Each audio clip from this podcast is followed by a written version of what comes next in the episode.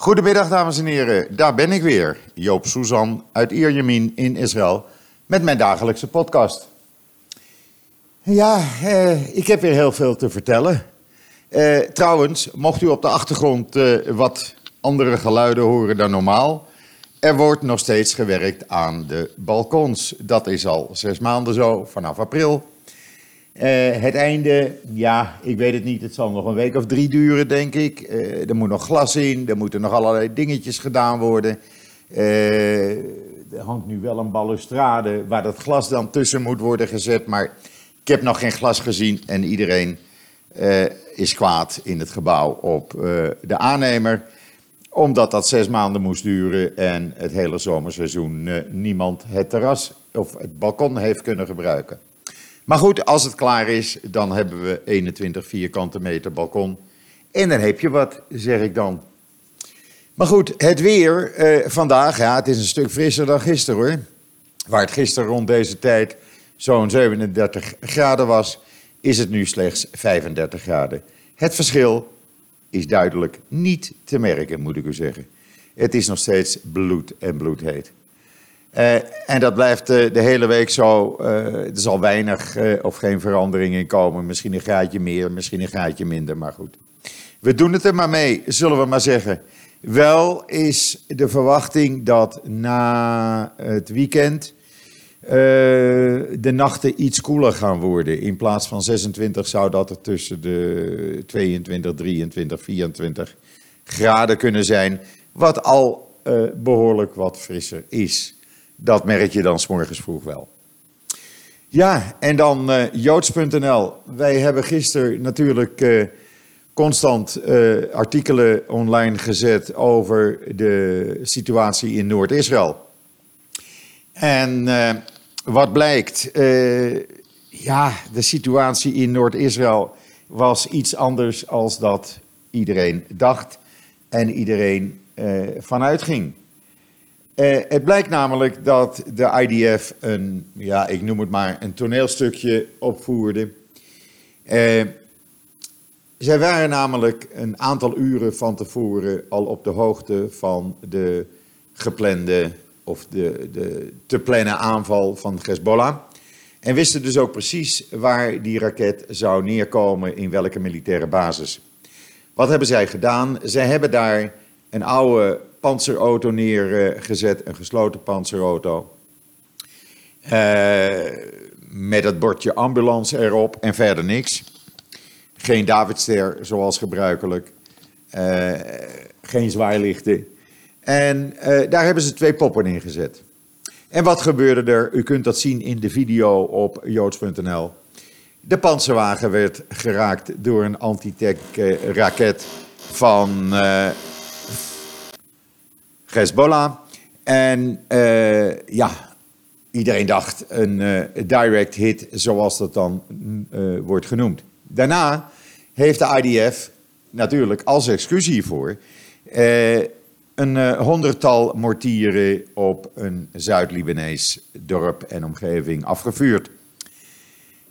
En toen kwamen er video's en foto's online uh, natuurlijk van uh, wat brandjes bij dat Libanese dorp, maar ook van de getroffen uh, panzerauto of ambulance, zo u het mag noemen.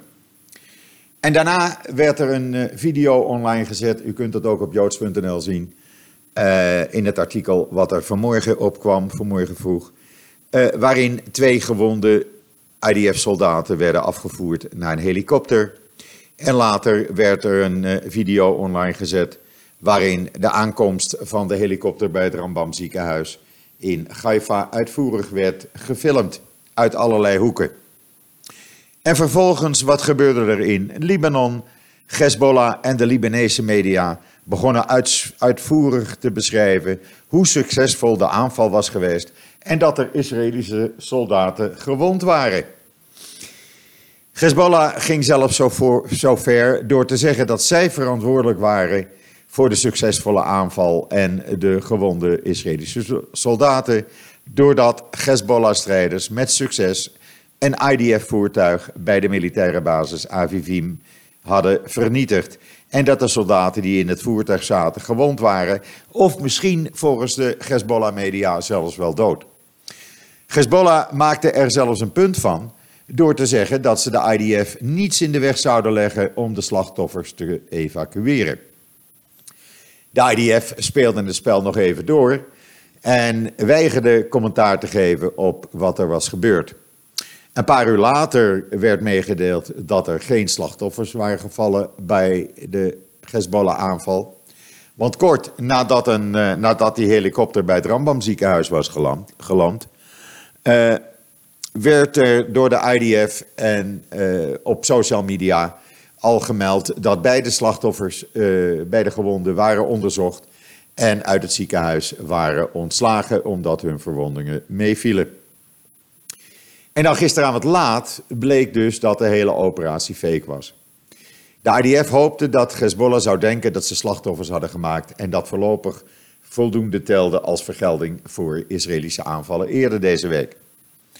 Hamas-baas Ghanier prijsde Hezbollah de hemel in voor de aanval op Israël, waarbij twee poppen dus gewond raakten. Maar dat wist hij dus niet.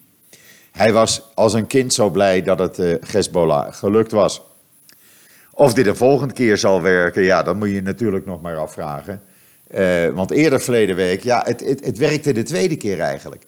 Want eerder van de week, uh, afgelopen week, verschenen er foto's op social media van de IDF. Uh, waarin oude legerjeeps langs de grens geparkeerd stonden met Libanon. Waarin ook poppen zaten. Dus Hezbollah had het kunnen weten. Eh, ook toen dacht namelijk Hezbollah dat het in eerste instantie echte soldaten waren. En ze begonnen er zelfs op te schieten. Eh, of dit hele toneelstuk van de IDF nu heeft bijgedragen aan het verminderen van de spanning. Ja, tot nu toe vandaag eh, blijkt dat het eh, een stuk minder is, de spanning. Maar het gevaar is nog niet geweken.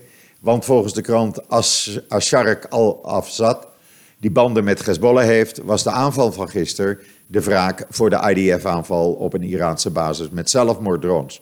Er zou nog een Hezbollah-aanval komen als wraak voor de twee drones op Beirut verleden week. We zullen het zien, we wachten het af.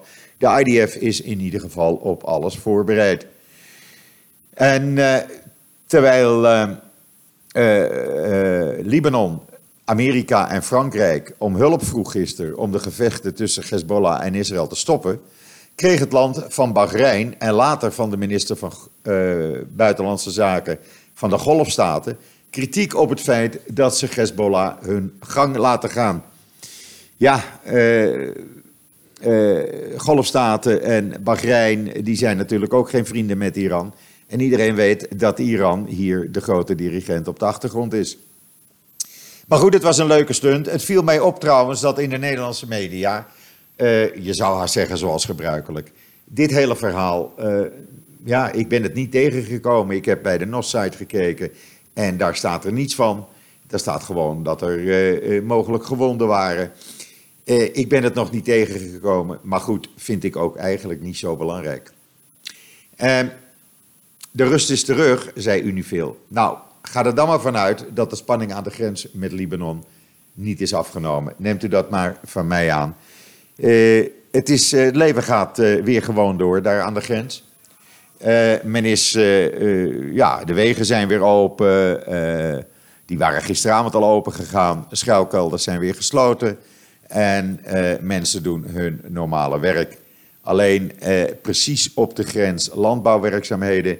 Ja dat, ja, dat is nog een beetje moeilijk. Maar als het een paar dagen rustig blijft, zal dat ook weer normaal gaan worden.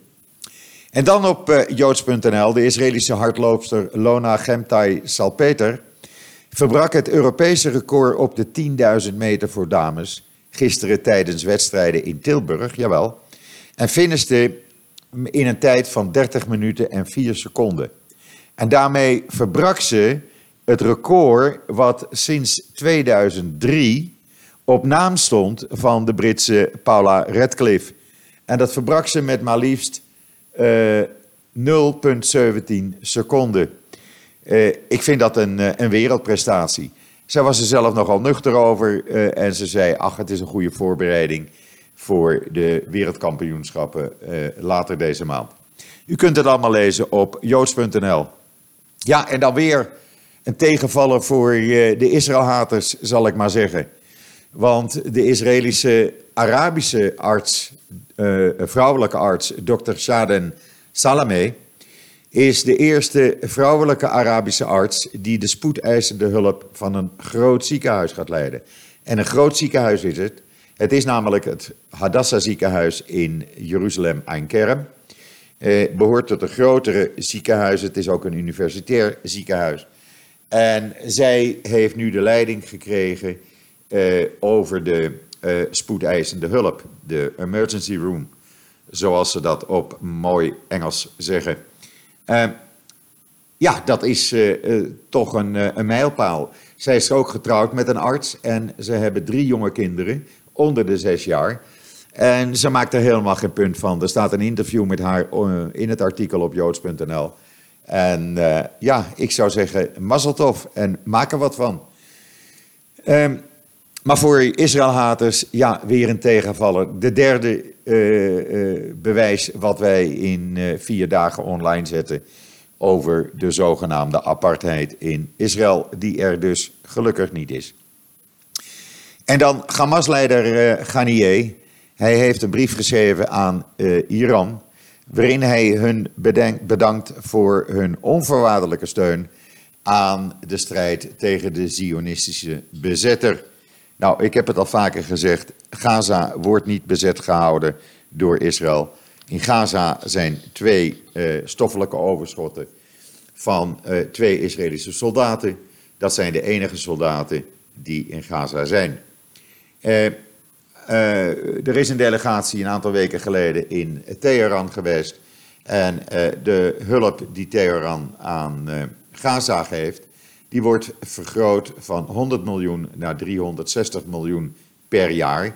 En daarnaast kunnen ze alle wapens krijgen die ze maar nodig hebben om de Zionistische bezetter te kunnen verslaan. Ja, het toont even aan uh, weer hoe Iran bezig is. En dan op joods.nl de Iraanse judoka Said Molay. U weet, die is in Duitsland achtergebleven na wedstrijden en hij uh, weigert voor Iran langer uit te komen. Omdat Iran hem verbood uh, uit te komen tegen de Israëlische judoka Sagi Muki, die verleden week wereldkampioen werd. In de halve finale moest deze Iraanse judoka tegen een Belgische uh, collega vechten. En hij kreeg de opdracht die wedstrijd te verliezen omdat hij anders in de finale zou staan tegenover een Israëlische judoka. Hij heeft dat gedaan en is uh, het team uitgevlucht en uh, heeft, is in Duitsland nu en zegt: Ik ga nooit meer voor Iran judoën. Ik kom uit vanaf nu onder de vlag van de Olympische Spelen. Of de Olympische vlag.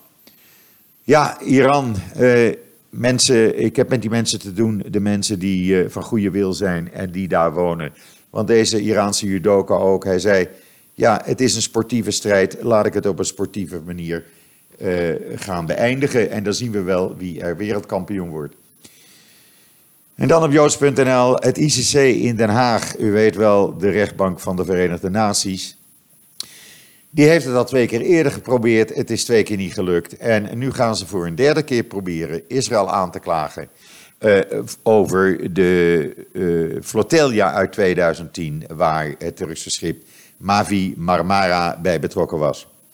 De hoogste kamer van beroep van het internationale strafhof in Den Haag heeft besloten de zaak opnieuw te openen, waarin Israël wordt beschuldigd van oorlogsmisdaden, omdat er tijdens de, de entering van dat schip tien doden vielen. En waardoor vielen die, ja, de mensen stonden klaar. U kunt dat zien op een video in dit artikel op JoodsNL. Mensen stonden klaar met messen, uh, houwelen, knuppels, nou noem maar op. IDF-soldaten of mariniers die vanuit een helikopter werden, die landen vanuit een helikopter op het schip. En die werden aangevallen, die werden zelfs gegijzeld en daarop is een, eh, een, eh, schietpartij gevolgd. Ja, en daar zijn die tien doden bij gevallen. Israël heeft wel een aantal jaren geleden al 20 miljoen dollar aan de nabestaanden betaald. Om ja, eigenlijk uit de coulance, om te hopen dat de zaak, eh, de diplomatieke met betrekkingen met Turkije, niet uit de hand zouden lopen. Die Mavi Marmara maakte namelijk deel uit van een door een Turkse ja, human rights organisatie georganiseerd flotilla. Wat op 1 juni 2010 dus wilde proberen de blokkade van Gaza te doorbreken. U kunt het allemaal lezen, het hele verhaal uitgebreid met foto's en video op joods.nl. Uh, trouwens, ik moet erbij uh, bij opmerken dat een door Israël ingestelde commissie en een uh, door de Verenigde Naties ingestelde commissie, de Palma-commissie, onafhankelijk van elkaar Israël hadden vrijgesproken van oorlogsmisdaden, omdat ze allebei onafhankelijk van elkaar zeiden: het is duidelijk zelfverdediging geweest. Uh, ja, dat nu het ICC voor een derde keer dit gaat proberen, uh, ja, ik, ik krijg er een beetje nare smaak van in de mond. Het lijkt wel of het uh, een anti-Israël actie is uh, van het ICC. Verenigde Naties zijn nou niet echt in al die commissies zo pro-Israël, om het maar netjes te zeggen. En dan op joods.nl, herinnert u zich nog een paar weken geleden hadden wij een artikel waarin uh, het hele verhaal uit de doeken werd gedaan dat Marokko een holocaustmonument zou krijgen. Dat werd er gebouwd, daar was men al een jaar mee bezig. En wat is er gebeurd? Er zijn activisten in Marokko geweest en die hebben geklaagd bij de autoriteiten en gezegd: als er een holocaustmonument komt, dat betekent normalisatie van de banden met de staat Israël. En dat willen wij niet. En daarop hebben de Marokkaanse autoriteiten het Holocaustmonument vernietigd. De video kunt u op JoodsNL zien. En dan even toch wat politiek. U weet, we zitten twee weken van de verkiezingen, 17 september. En dat zijn de tweede verkiezingen binnen een half jaar.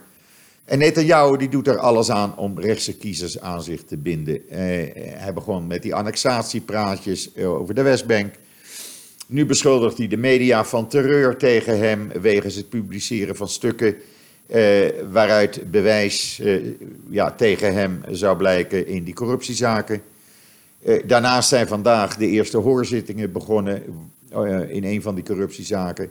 Een grote corruptiezaak waar hij bij betrokken is. En uh, ja, de mensen, hij nog niet. Hij komt zelf op 2 en 3 oktober in die hoorzitting. Uh, dat is dan een hoorzitting voorafgaand aan de definitieve uh, beslissing om rechtszaken te beginnen. zo werkt het systeem hier. En ja, hij, hij wringt zich in alle bochten om daar onderuit te komen. Er wordt ook weer gesproken om hem immuun te maken, zolang hij maar een meerderheid in de Knesset daarvoor zou kunnen krijgen. Het is, uh, ja, het is een beetje een, een zootje, vind ik zelf.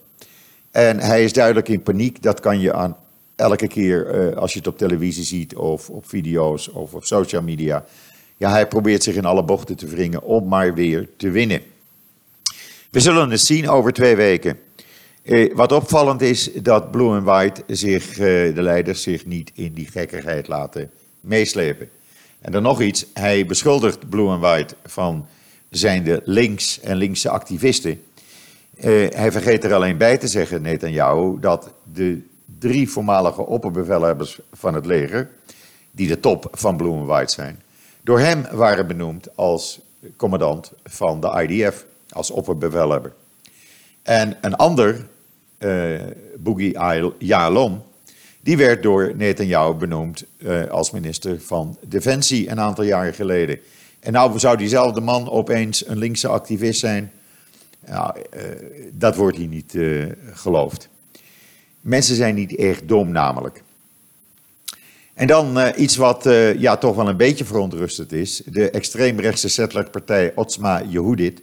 En die zijn echt, die zijn echt niet te pruimen.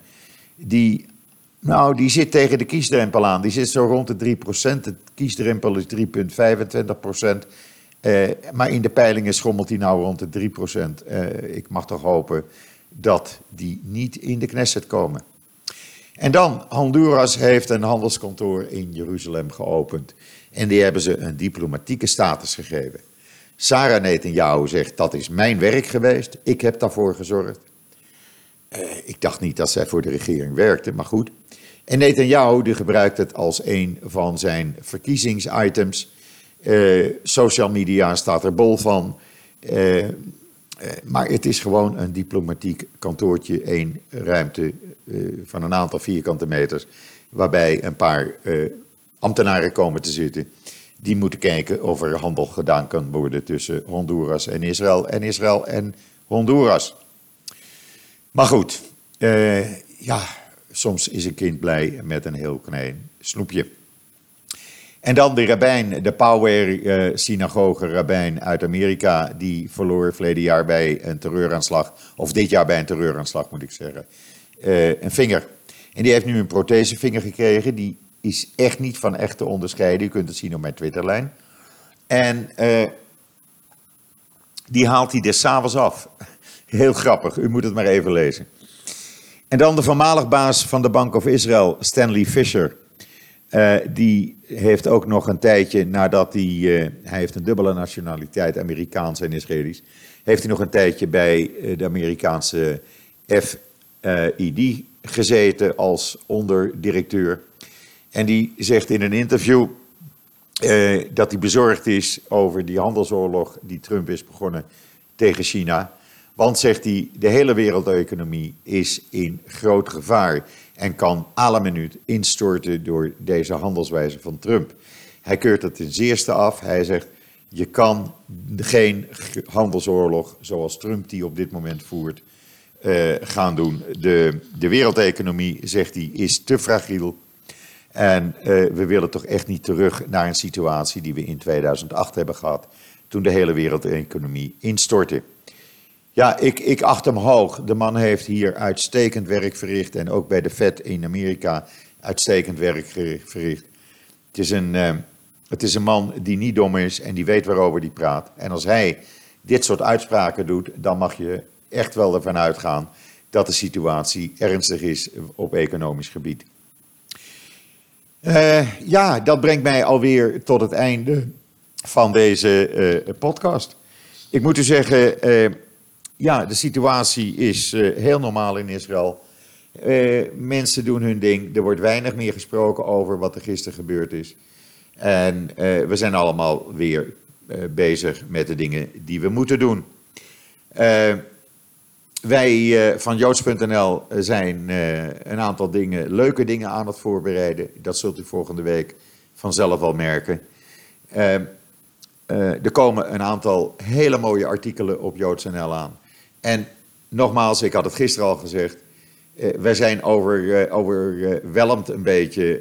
we zijn ja, toch wel een beetje met de mond open van hoe kan dat allemaal? Maar het aantal bezoekers per dag het loopt nu echt uh, in de tienduizenden per dag op joods.nl. En we vinden dat fantastisch. We werken er hard voor met z'n allen. Ja, ik weet het. Maar we zijn blij om het te kunnen doen. En we zijn blij dat zo mensen, zoveel mensen vertrouwen hebben in wat wij doen en de informatie die wij uh, verschaffen. Want wat wij doen is, we geven de informatie zoals die is. Niet gekleurd, niet volgens onze ideeën, maar gewoon zoals het nieuws is. En uh, ja, dat is de enige manier waarop je nieuws kan brengen, dachten wij zo. Goed, rest mij u nog een hele fijne voortzetting van deze uh, maandag, de 2 september alweer, toe te wensen. En wat mij betreft zeg ik, zoals altijd, tot ziens, tot morgen.